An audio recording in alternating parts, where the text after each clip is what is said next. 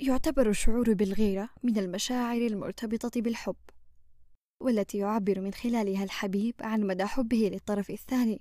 ولكن أحيانا تتحول هذه الغيرة إلى مرض نفسي يسمى بمتلازمة عطي. مرحبا أنا هاجر وهذا بودكاست مواسم.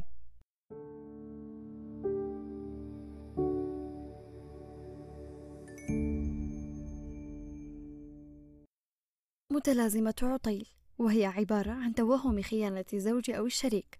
ومتلازمة عطيل تؤثر على الذكور وأحيانا الإناث.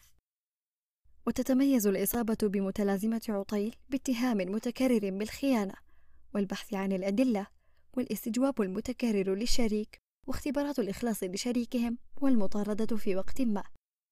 ويمكن أن تكون المتلازمة شديدة الخطورة وتؤدي إلى تعطيل الزواج والقتل والانتحار.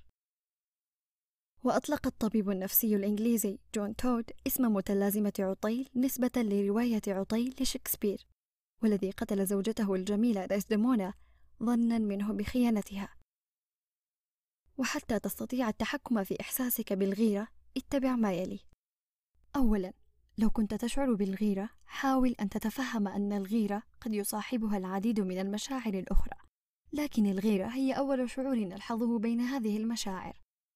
لذا عليك أن تقضي مزيدا من الوقت لتفكر في مشاعرك.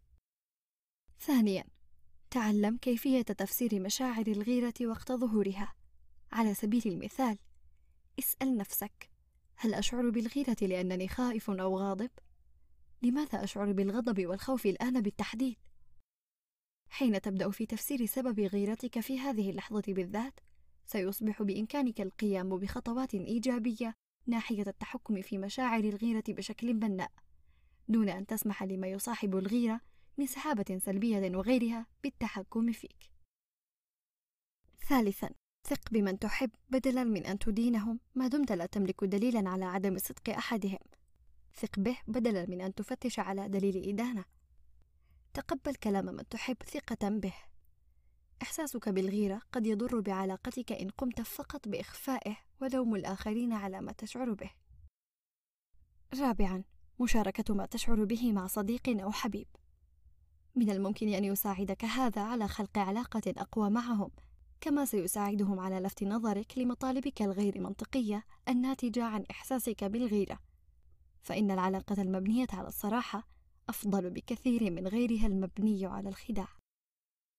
أخيرا أقول قاوم رغبتك في لوم غيرك هذه مشاعرك أنت وأنت وحدك مسؤول عنها. شريكك الحالي لم يكن السبب في ظهور هذه المشاعر في الأصل. وكما قلنا سابقا العلاقة المبنية على الصراحة أفضل بكثير من غيرها المبني على الخداع. هذا البودكاست تابع لمركز سعداء للاستشارات والدراسات النفسية.